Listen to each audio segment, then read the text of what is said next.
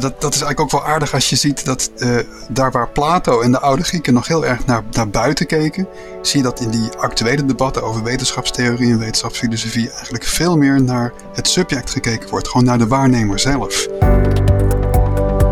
Je luistert naar NTVT Dentalk, de podcast van het Nederlands tijdschrift voor tandheelkunde. We gaan hier in gesprek met belangrijke experts, interessante onderzoekers en boeiende ervaringsdeskundigen. En misschien wel met jou.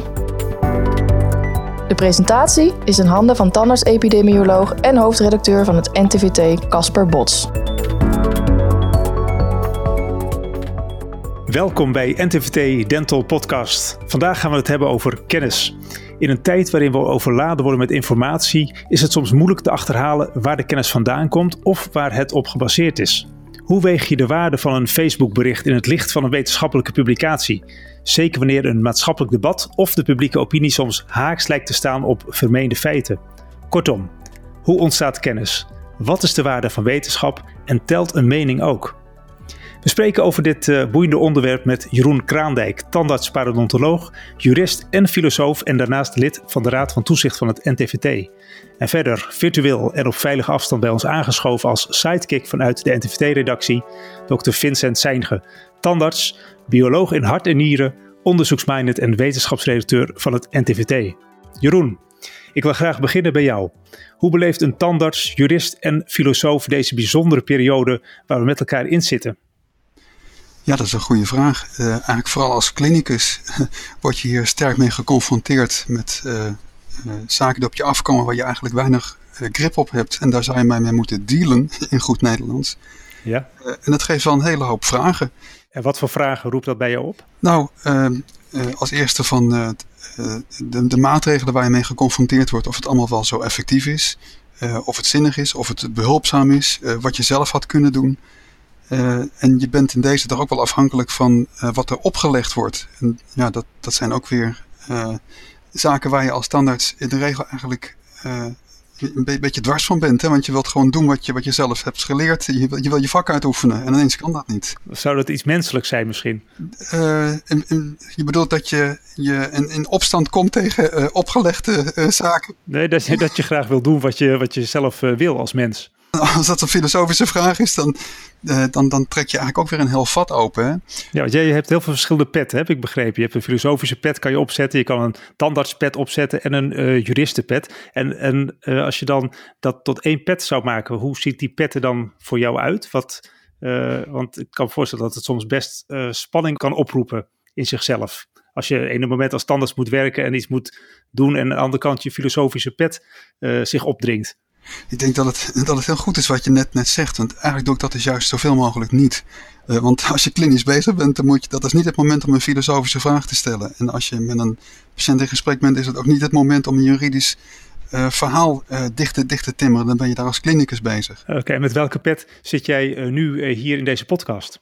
Uh, er is me vooral gevraagd om een, om een, op een, om een filosofische uh, ondersteuning te geven bij, dit, uh, bij deze, deze podcast. Dus ik zit meer met een filosofische pet dan met een tandartsenpet. Oké, okay, dat is goed om te weten. Want met een tandartsenpet en een wetenschappelijke blik zit Vincent ook bij ons aan tafel. Vincent, ook jij bent breed geïnteresseerd, gepromoveerd op een parodontologisch onderwerp, subgingivale biofilms dacht ik.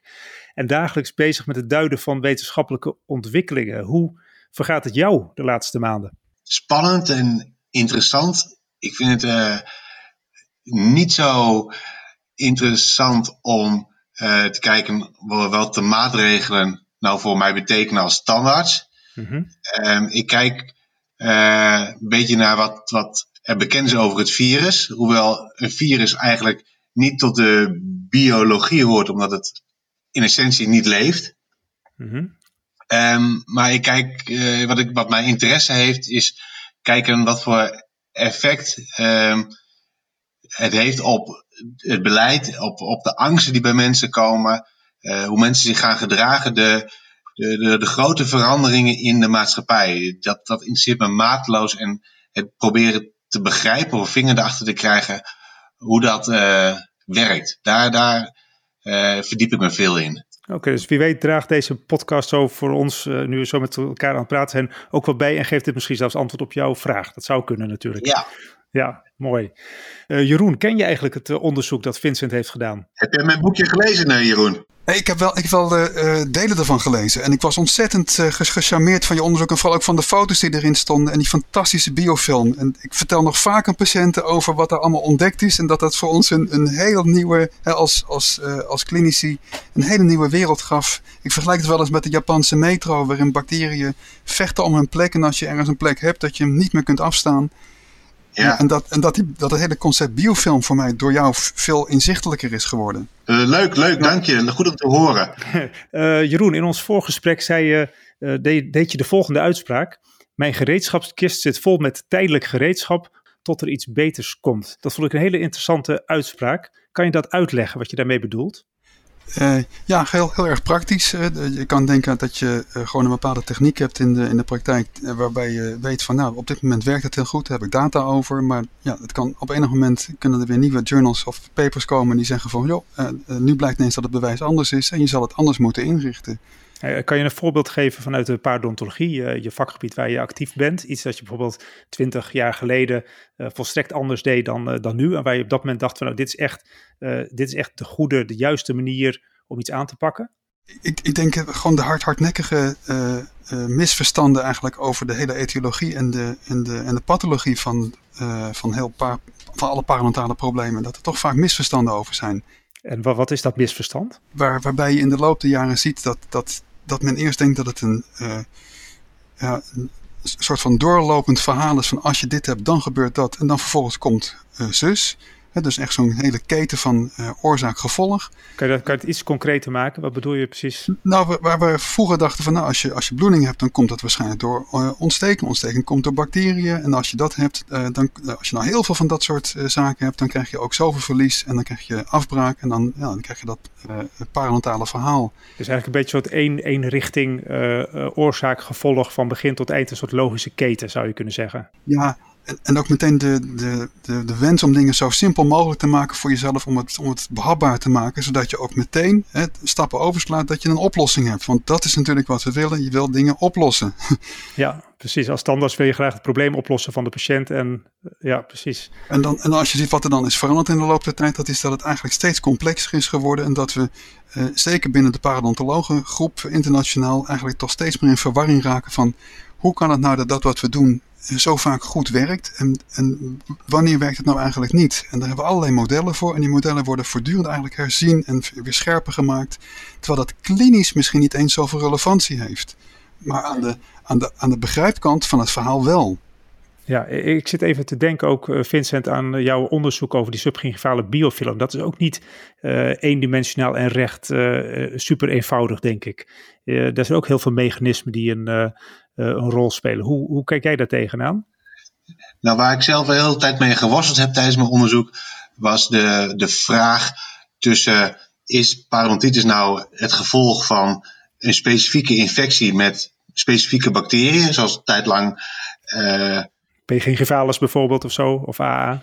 Of is het nou de overgroei van gewoon veel pathogene bacteriën of bacteriën in het algemeen? Dus, dus de, de, de, de sequentie die net genoemd werd van uh, plak, accumulatie, gingivitis, standaard door naar, naar, naar parodontitis. Um, waar komt dat nou door? Of is het een specifieke infectie? Um, en daar een hypothese over vormen, dat heeft me heel lang bezig gehouden. En ja. Eh, dat heeft mij in mijn onderzoek ook wel iets verder gebracht. En ik heb daar wel ideeën over ontwikkeld. Um, toen was mijn boekje klaar. Oké, toen dacht je nou zo, nu ga je weer op andere dingen, dingen richten toen. Ja. Ja, ik, ik moet ook denken, nu we hierover zitten te praten, aan de tijd dat ik in de gevangenis werkte. En uh, dat was in Haarlem, in de koepelgevangenis. En er waren wel eens patiënten die op Schiphol werden opgepakt, uh, die nog nooit een tandarts hadden gezien. Die waren dan een jaar of 30, 35, met extreem veel tandsteen.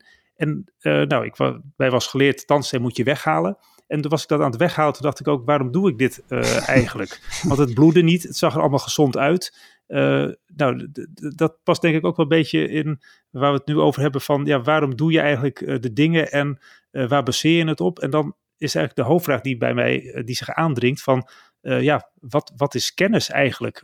waar baseren we ons op? En ja, wat is kennis en hoe, is het, hoe ontstaat kennis? Jeroen, kan jij ons wat dat betreft meenemen even in een kort historisch overzicht over kennis? Want we leven ja, nu in 2020, maar de aarde bestaat al wat meer jaren. Hoe is het allemaal ooit begonnen? Ja, dan heb je het eigenlijk voornamelijk over de westerse filosofie en de westerse kennisleer.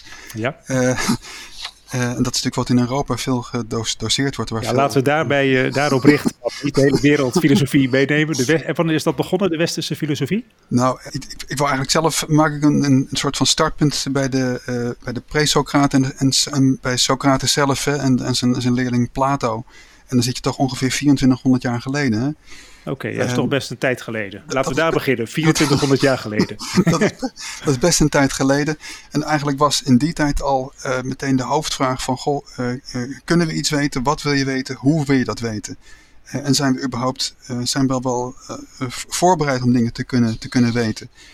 Um, eigenlijk is in die tijd ook wel een soort van, van indeling gemaakt door, door Socrates en Plato, die je zelfs uh, misschien wel voor een groot deel uh, uh, voor voorkomt dat je tot aan, tot aan nu de hele actualiteit hoeft door te nemen. Want die indeling die, die in die tijd gemaakt is, die, daar, daar worstelen we eigenlijk nog, nog steeds mee. En, en hoe was die indeling? Dus je zegt die indeling die nu volgt, dat is echt maar de basis voor om nu naar kennis te kijken je doet natuurlijk altijd alle theorieën tekort, maar als je het ontzettend simpel maakt, dan kan je zeggen van goh, je hebt die werkelijkheid om je heen en je hebt uh, de, de, reden en je brein. Uh, en hoe krijg je nou die, die, die beschrijving van die werkelijkheid die jij ervaart, hoe kan je daar nou uitspraken over doen in, dat, in dat brein van jou? Hoe maak je daar nou een connectie tussen? Ja. Uh, en, en, dat is eigenlijk een levensgroot probleem wat tot op de dag van vandaag nog steeds niet goed opgelost is. In filosofische wijze. Dus je zegt eigenlijk dus de, de werkelijkheid, dus alles wat we zien, eigenlijk alles wat met onze zintuigen waarnemen, moet in onze hersenen worden verwerkt. En dat creëert dan een bepaalde mate van kennis over de wereld om ons heen om die te begrijpen. Precies, precies. En daar gaat er dus vanuit dat het brein ook daarvoor geschikt is. dat is ook nog maar de, de, de, grote vraag. En een heel simpel voorbeeld is bijvoorbeeld over radiostraling. En dat wij eh, wel bepaalde geluiden horen, maar andere geluiden niet. Nou, dan weet je net als met, met, met het eh, zicht dat je bepaalde beelden gewoon niet kunt zien. Gewoon omdat jouw zintuigen niet in staat zijn in dat spectrum waar te nemen. Precies, dus met onze beperkte blik kunnen we dan toch proberen we iets uh, er het beste van te maken. Dus, maar daar zit dus al een beperking in. Uh, en, en dan is vervolgens de brug van hoe jij dan dus waarneemt door die uh, zintuigelijke ervaring, dat jij dat ook nog een bepaalde structuur moet kunnen geven. Dus jouw brein moet ook nog in staat zijn daar een structuur aan te geven. Ja, het vraagt er bijna om dat het misgaat ergens in dit hele proces. Nou, dat, dat is dus ook een, een heel groot probleem. En er zijn allerlei stappen in gemaakt. Uh, waarbij we uh, heel erg leunen op de denkbeelden die door Socrates en Plato eigenlijk al uh, naar voren zijn gebracht, namelijk het ideaal van de wiskunde.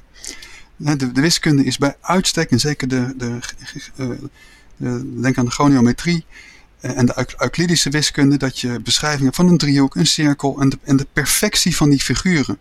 En wat zou het heerlijk zijn als wij die beelden, hè, die, die figuren en met alle wetmatigheden die daaraan vastzitten, als we die kennis die wij hebben, dat we dat kunnen uh, herleiden in de natuur om ons heen. En dat we daarin verbanden en universele wetmatigheden kunnen afleiden.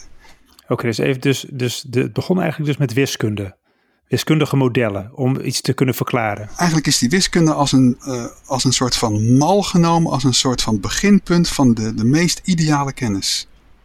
Oké, en als je uh, teruggaat naar die, die basisvoorwaarden. Volgens mij had Plato een aantal basisinzichten gegeven met een aantal voorwaarden waar die kennis dan aan zou moeten voldoen.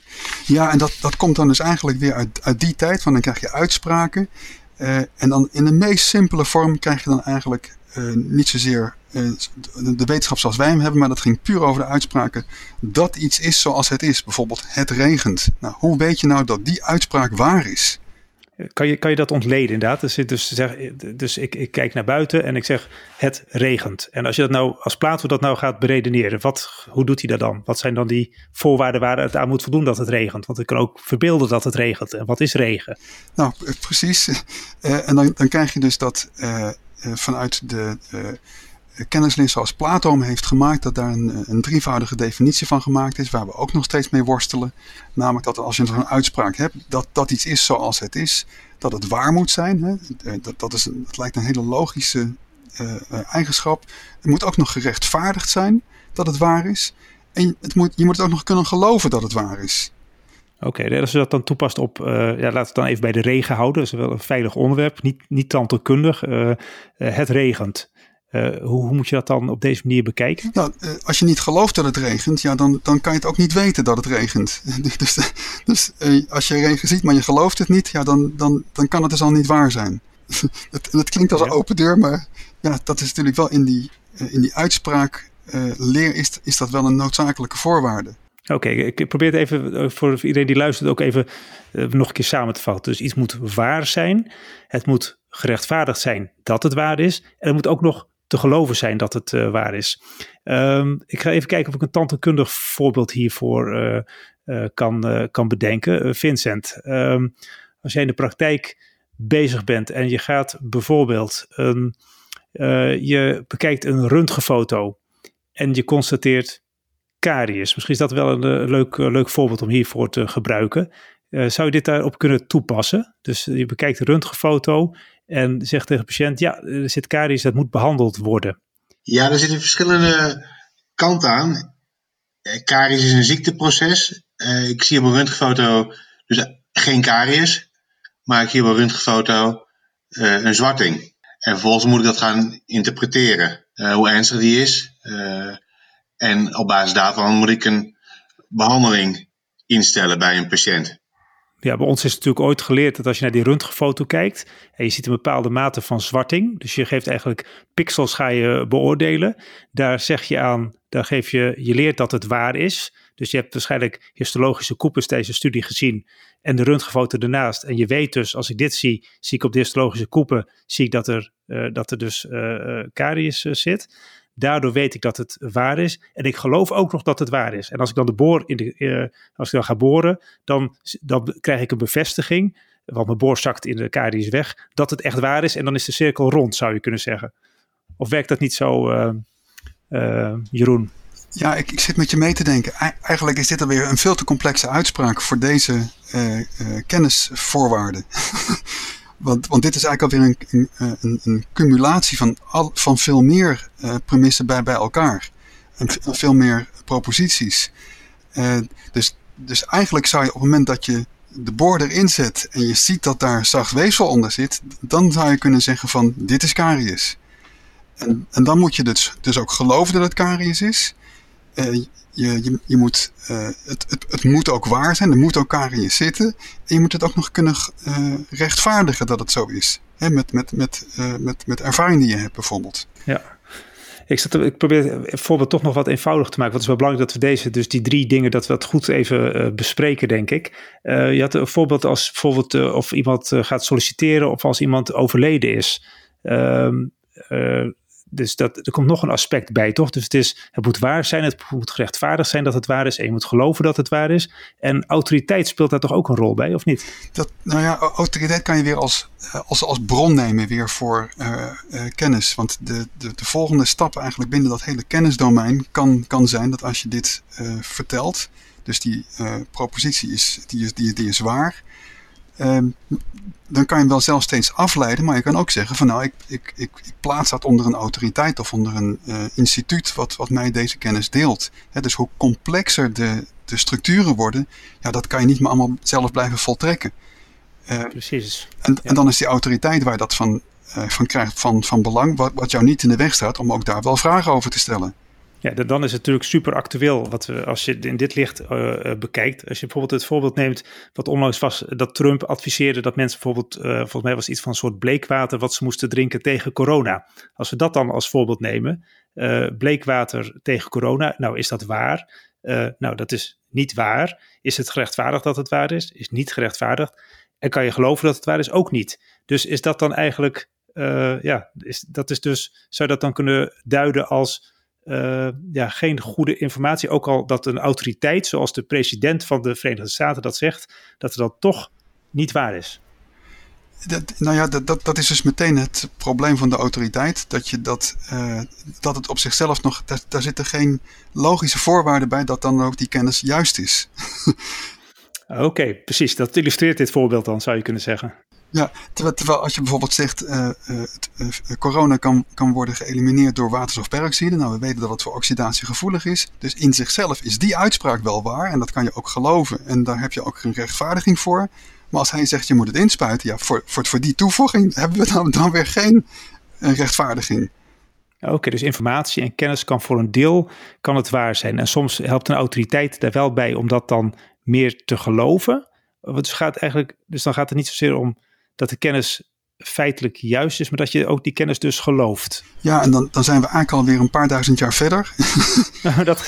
als, je, als je dan kijkt naar de, de, eh, de kennisleer en de wetenschapsfilosofie, dan uh, is men op een gegeven moment echt op fundamenteel niveau zo ver. En dus niet meer in de vakwetenschap dat je iets onderzoekt. Want op dat niveau uh, zijn dan wel afspraken gemaakt. Dus je doet je onderzoek, je doet je rechtvaardiging, je doet die, al je statistiek.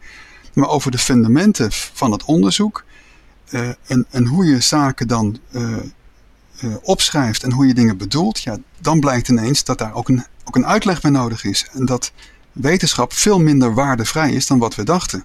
Oké, dus, dus die, die, Plato als basis. En dan is de vraag, wat is dan wetenschap?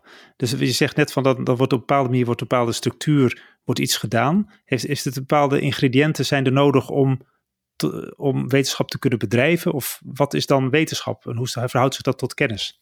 Um, als je kijkt naar de vakwetenschappen, dan, dan zie je dat, dat eigenlijk elke vakwetenschap wel zijn eigen spelregels over gemaakt heeft. En als je bijvoorbeeld kijkt naar kunstgeschiedenis, daar gelden hele andere regels over wat wetenschappelijk is dan bijvoorbeeld uh, in de fysica of in de natuurkunde of scheikunde.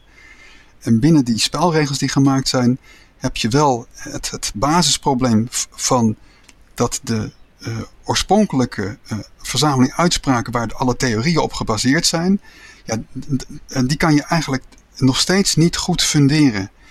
dat, dat, dat, zijn de axioma's. Uh, in de wiskunde is dat ook heel mooi te zien dat je in de meest ideale wetenschap dat de, de, de basisaxioma's van de wiskunde, ja, die, die, die proberen we steeds verder terug te brengen tot hoe minder, hoe beter. maar het is nog steeds niet één alomvattend principe waaruit alles te verklaren valt.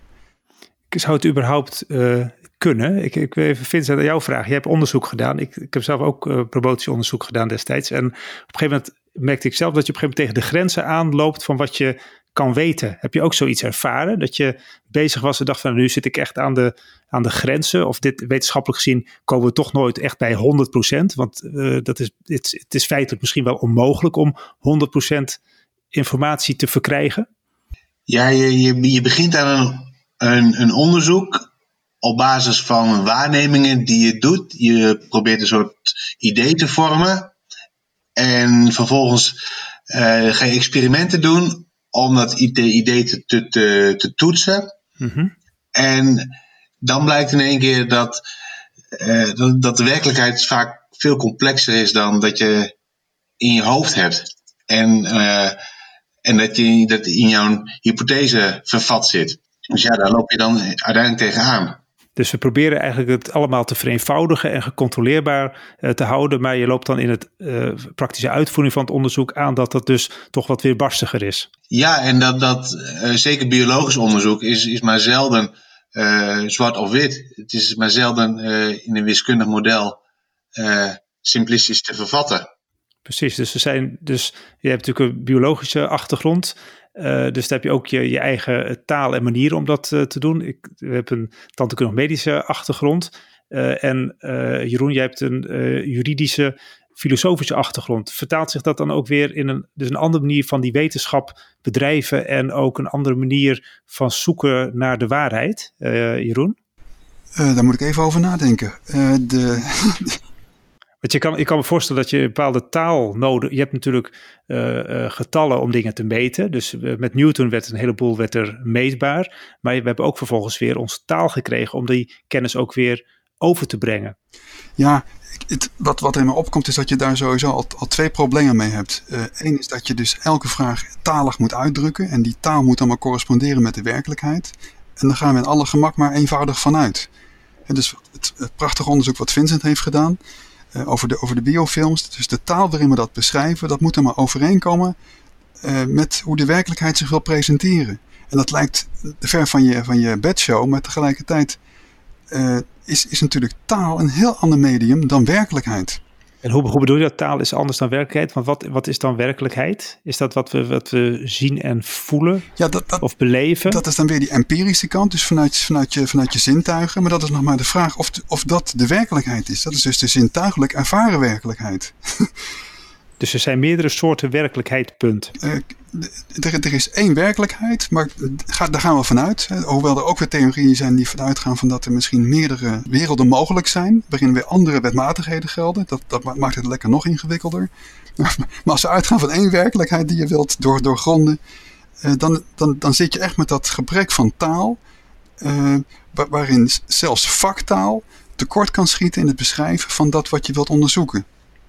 En dan kan je dus zeggen van kan die taal wel toegang geven tot die zintuigelijke waarneming. Ja, dus dat zit op andere golflengte. Eh, Absoluut. Dat sluit dus niet altijd aan. Ja, dat is echt een hele andere categorie. Ja, ik, ik zit wel even te denken, stel, uh, er is natuurlijk heel veel, even bijvoorbeeld als voorbeeld fluoride gebruik. Er is uh, heel veel onderzoek gedaan naar, uh, naar fluoride gebruik. Um, Vincent, als jij, een, even, even vraag, als jij een patiënt in de stoel hebt die, die, die komt binnen en die ziet plotseling heel veel karies en uh, zegt ja, nou ik heb uh, op Facebook gezien dat het geen zin heeft om fluoride te gebruiken. Dat is zelfs gevaarlijk. Uh, ja, wat, wat zeg jij dan? Want dan moet je dus het onderzoek wat er allemaal bekend is, moet je in twee zinnen, in één minuut of in 30 seconden samenvatten. Wat zeg je dan tegen zo'n patiënt? Ja, dat zijn, dat zijn de moeilijkste patiënten.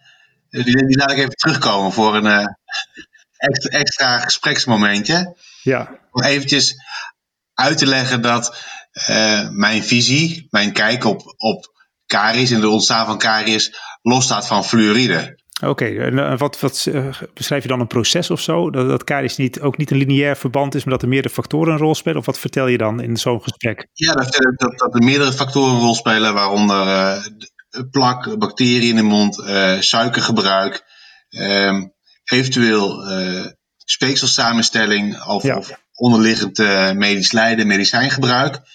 Um, dat zijn de dingen die ik dan met een, met een patiënt bespreek. Daarna komt pas de preventieve kant of, of uh, beschermende en het gebruik van fluoride. Precies, dus je neemt dan een patiënt mee in het hele, eigenlijk laat je de verschillende aspecten zien die een rol spelen en dat het minder eendimensioneel is van je moet met fluoride poetsen en dan is het probleem opgelost.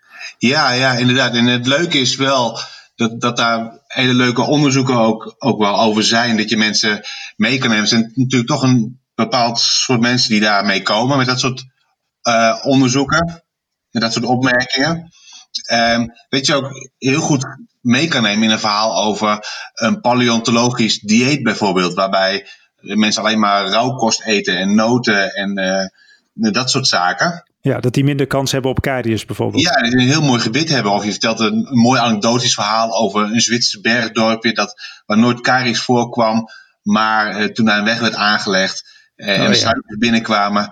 Um, dus ik probeer daarin in de praktijk gewoon met, met iemand uh, de kennis nog een beetje te vergroten en, en vooral niet um, tegen een, een mening of een kijk van zo iemand in te gaan. Ja, dat is eigenlijk de, zou mijn vraag zijn. We zegt u inderdaad eh, tegen een mening van iemand in te gaan. Zou je niet gewoon kunnen zeggen, uh, als uh, professional heb je een bepaalde hoeveelheid kennis en de patiënt heeft ook een bepaalde hoeveelheid kennis en die moeten bij elkaar gebracht worden. En die kennis kan dan van Facebook zijn, van Google, kan van een vriend of een vriendin zijn. Alleen het moet dan nog bij elkaar gebracht worden. En de kennis van de een is niet meer of minder waard dan de kennis van de ander. Jeroen, kan jij daar iets over zeggen? Van hoe verhoudt zich dat ten opzichte van elkaar? De, de wetenschappelijke basis die wij zoveel mogelijk proberen mee te geven en de kennis van een patiënt. Ja, de, ik vind het heel mooi wat eh, Vincent net vertelde uh, over hoe hij dat aanpakt. En uh, ik denk dat daar ook de sleutel zit. Als je, als je kijkt strikt wetenschappelijk, wat je zou moeten aanbieden, dan is het eigenlijk voor degene die het moet ontvangen heel moeilijk te ontvangen. Uh, want je moet er allerlei uh, barrières heen. En ik denk dat, je, dat we eigenlijk dan weer één aspect missen. Want de tandarts is niet per se een wetenschapper. Uh, en dan ga ik niet op tenen staan. Maar daar, daar bedoel ik mee dat we vooral ook een professional zijn. En die, die professionaliteit die uitzicht erin dat je, de, dat je vanuit meerdere bronnen uh, in die gereedschapskist die je hebt uh, dingen moet toepassen. En voor een deel is dat wetenschap, harde wetenschap. Voor een deel is dat zachte wetenschap. En voor een deel is dat gewoon empirische ervaring wat je zelf opbouwt. Hè? Dat is je expert level training. Uh, en dat staat lang niet altijd in een boek of in een journal of in een, in een, in, een, in, een, in een tijdschrift. en het is eigenlijk niet eens de vraag van of je daarin wetenschappelijk moet gedragen, maar dat je daarin veel meer contextueel moet, moet inleven hoe jij dat doel kunt bereiken wat jij als professional wilt hebben. Dat is dan misschien wel veel interessanter. Ja, dus je kijkt eerst naar het, naar het doel en dan kijk je wat ga ik uit. Dat gaat eigenlijk denk ik ook vaak wel een beetje vanzelf, afhankelijk van het type patiënt wat je tegenover je uh, hebt zitten. Welk gereedschaps je uit die kist pakt. Heeft die patiënt behoefte aan heel veel wetenschappelijke onderbouwing? Wil de patiënt gewoon horen van het is, je moet het gewoon zo doen of op die manier? Ja, dus dat is ook patiëntafhankelijk natuurlijk. Ja, ja dat denk ik wel.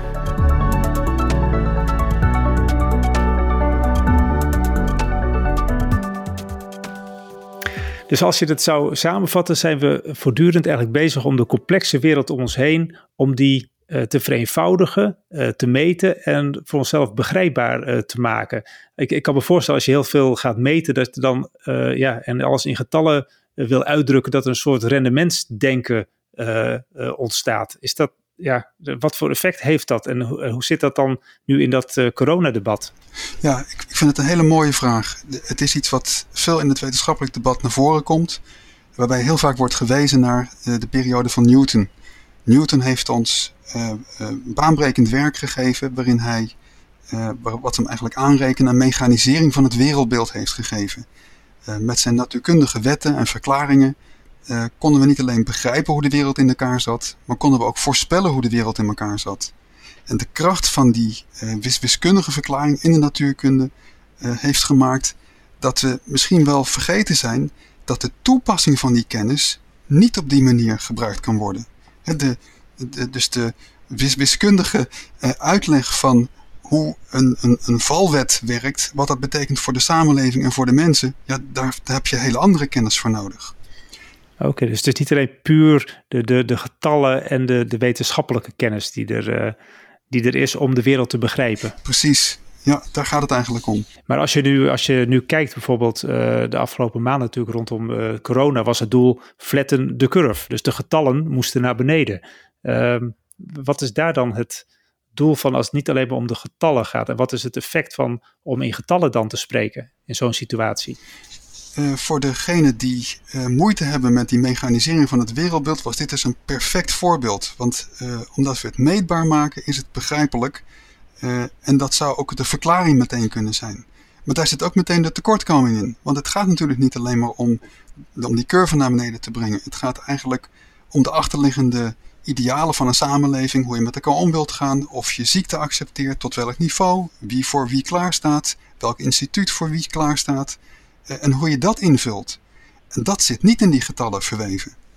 Dat is eigenlijk de discussie die nu uh, na een aantal uh, weken, maanden, dat wat meer op gang gaat komen. Wel, wat je allemaal mee moet wegen. En wie, uh, wie bepaalt dan wat je mee moet wegen? Wie, is dat dan? Dat is de politiek, denk ik. Nou, precies. En, en, en politiek kan je ook op een wetenschappelijke manier vormgeven. Daar zijn ook weer spelregels voor. Dat je een debat maakt, dat je argumenten plaatst. En dat die argumenten weer vrij zijn.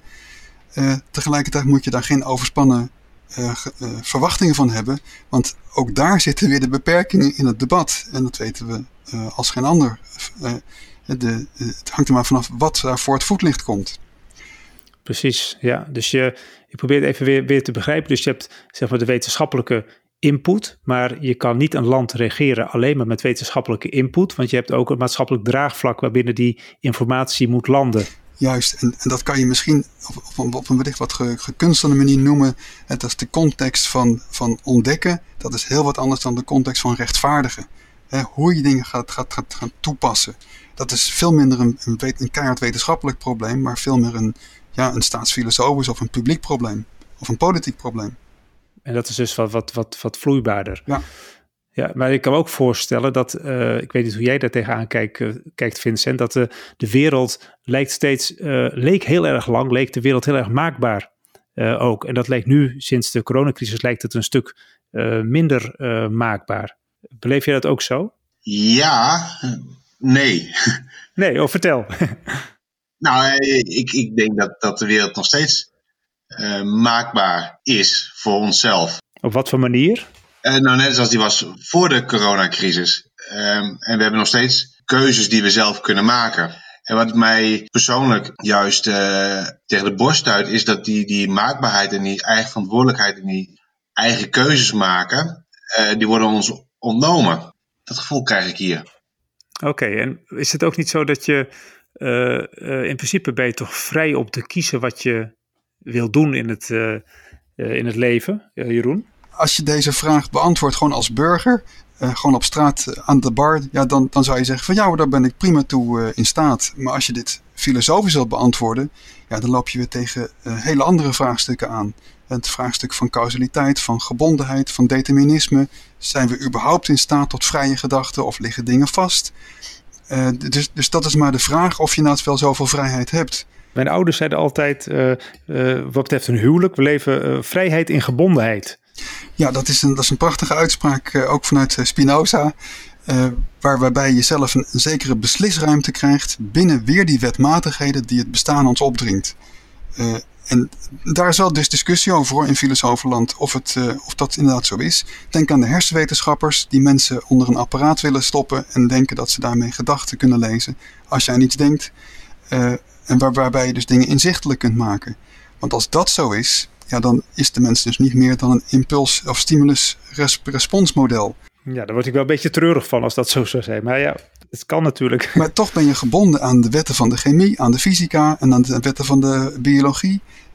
Uh, en, en toch knaagt er iets, want je weet ergens in jezelf dat dat niet helemaal waar is. Dat je toch ook nog wel echt ruimte hebt om zelf tot beslissingen te komen. Ja, gelukkig. Gelukkig, maar dat, interessant. Daar kun je nog, hele, nog wel een uur over door, uh, doorpraten, uh, denk ik. Ik zit toch, toch, toch, toch een klein beetje met uh, die vraag: wat, um, wat is nou inderdaad, ja, hoe moeten we nou de wetenschap, wat voor waarde heeft de, wetenschap nu? Want je merkt ook dat de laatste jaren dat de, de, de waarde van de wetenschap dus minder belangrijk lijkt te zijn dan andere factoren.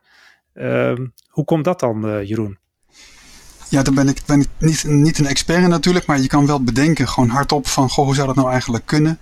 En je kan, je kan bedenken dat in deze tijd, uh, waarin wetenschap vooral geïnstitutionaliseerd is, waarbij ook dat rendementsdenken heeft meegespeeld, de tijd van nieuwe media, het, is, het is veel meer democratisch toegankelijk geworden kennis, dat je allerlei nieuwe processen krijgt die maakt dat, dat kennis anders gewaardeerd wordt.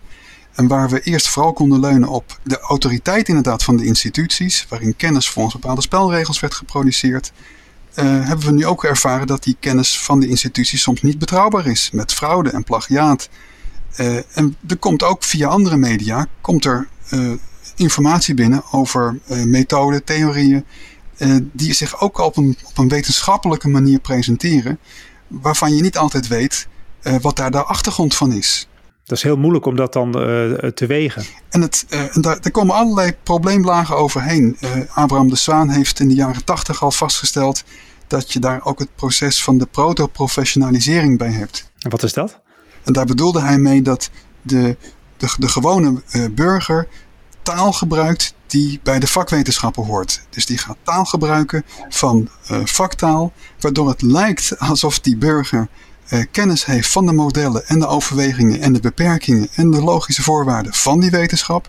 Maar dat is helemaal niet het geval. Oh, dat wordt dan heel lastig, want dan mengt het in het debat mengt dat ook. Dat, dat wordt buitengewoon lastig. Ja, en dat speelt dus ook nog eens een keer inter, uh, uh, dus, dus tussen verschillende wetenschapsgebieden. Dus, dus de taal wat je binnen de ene wetenschapsgebied gebruikt, dat hoeft nog helemaal niet overeen te komen met de taal die je in een ander wetenschapsgebied gebruikt. Ja, ik las zoiets over in de leidraad uh, van de medisch specialisten over asymptomatische patiënten. Dat biologen dat anders interpreteren dan uh, artsen. Uh, hoe zou jij dat interpreteren, Vincent? Asymptomatisch? Ja, zonder klachten. Zo zou ik het interpreteren. Ja, maar in ieder geval uit dat stuk uh, begreep ik dat, het, uh, dat ze daar op andere definitie kwamen. Dus dan zie je dus dat er binnen de, binnen de verschillende vakgebieden daar ook soms weer dat er wat ruis kan ontstaan op dat gebied. Ja. Ja, dus het blijft dus zoeken hoe je dus die informatie moet, hoe je dat moet wegen. En, en dat ligt vind ik ook nog wel tot slot interessant, Vincent, van jou om te weten hoe dat bij het NTVT doet. Want er komt bijna dagelijks komt er, komen er wetenschapsberichten uh, komen er, er langs. Hoe, uh, hoe pak jij dat aan? Ik ben gewoon heel veel aan het, uh, aan het googlen, aan het lezen. Ik zit op wat sites die, die er ook de, de nieuwe onderzoeken verzamelen. Mm -hmm. En ik, ik, voor mij is, is wetenschap eigenlijk beetje de romantische kant van, van, van vroeger. Dus van, van Darwin gewoon, je, je gaat naar buiten toe, je kijkt om je heen en je ziet iets wat je opvalt. Uh, je verwondert je daarover en je gaat je daar gewoon eens eventjes meer in verdiepen. Oké, dus vol verwondering rondkijken en dan kijken wat het. En daar haal je dus verschillende informatiebronnen gebruik je daarbij. Ja, daar gebruik je verschillende informatiebronnen bij. En als ik denk van hé, hey, dit vind ik een, een leuk verhaal, dit is uh, iets nieuws, dit is uh, een, een leuk feitje voor aan de koffietafel voor mensen om te, om te lezen, om, om een verhaal te openen of te zeggen: hé, hey, wat ik nou toch gelezen heb. Ja. Um, dat is voor mij een, een trigger om een artikel uh, ja, wat uit te werken tot een nieuwsbericht. Precies, en dan, ga je zoeken naar de, de wetenschappelijke achtergrond, hoe ze het hebben onderzocht, hoe ze dat hebben gedaan. En daar beslis je dan op uh, of het wel of niet de toets van de kritiek kan doorstaan om het op de koffietafel te laten eindigen. Ja, ja en, en dat is best nog wel weer uh, lastig, omdat natuurlijk niet alles wat met, met tanden en kiezen te maken heeft, ben ik, ben ik specialist in. Of dat ik daar voldoende kennis over heb. Dus je, hoopt dat, dat als iets gepeer-reviewed is in een uh, vooraanstaand tijdschrift, dat het, dat het goed is. Maar um, ik ben ondertussen ook al een keer op, met mijn neus op de feiten gedrukt dat dat ook niet altijd waar is. Ja, en dan kom je over de hele discussie, Jeroen, met wat, wat is waar en hoe moeten we de informatie uh, uh, duiden. Ja, dat, dat is eigenlijk ook wel aardig als je ziet dat uh, daar waar Plato en de oude Grieken nog heel erg naar, naar buiten keken, zie je dat in die actuele debatten over wetenschapstheorie en wetenschapsfilosofie eigenlijk veel meer naar het subject gekeken wordt, gewoon naar de waarnemer zelf. En die onderzoeker die is altijd buiten beschouwing gebleven. Maar die onderzoeker die kijkt met een zekere geladenheid van theorie naar de werkelijkheid. Nou, dat, en, en dat, dat zijn ook allemaal tekortkomingen. Ik, ik, ik vind het wel heel mooi hoe Vincent nu vertelt hoe hij zijn selecties doet. Uh, en er wordt ook wel gezegd dat computers met algoritmen waarschijnlijk beter tot, tot kennis en inzichten kunnen komen dan mensen. Daar kan je ook nog je twijfels over hebben. Uh, want die hebben niet uh, die vooringenomenheid die wij hebben. Die zijn biasvrij, zou je kunnen zeggen. Tenminste, als je ze zo programmeert, want het hangt weer van de algoritme af. Oh ja, dat is weer een hele, hele, hele andere, andere onderwerp. Nee, maar het is wel interessant, want als ik naar de wetenschap kijk, ik probeer uh, uh, altijd, ik, ik probeer zo dicht mogelijk bij de waarheid te komen. Dat is voor mij um, wetenschap in het besef dat dat nooit 100% zal lukken. En dat, uh, dus dat is wel grappig, eh, Vincent, hoe jij dat zo uh, vertelt. Hoe jij vol verwondering rondkijkt. En ik kijk, dan, ik kijk dan van hoe is de methode, hoe hebben ze het gedaan? En mag ik dan vervolgens met verwondering kijken naar de uitslagen en hoe interpreteer ik die weer in de dagelijkse praktijk, die vertaalslag?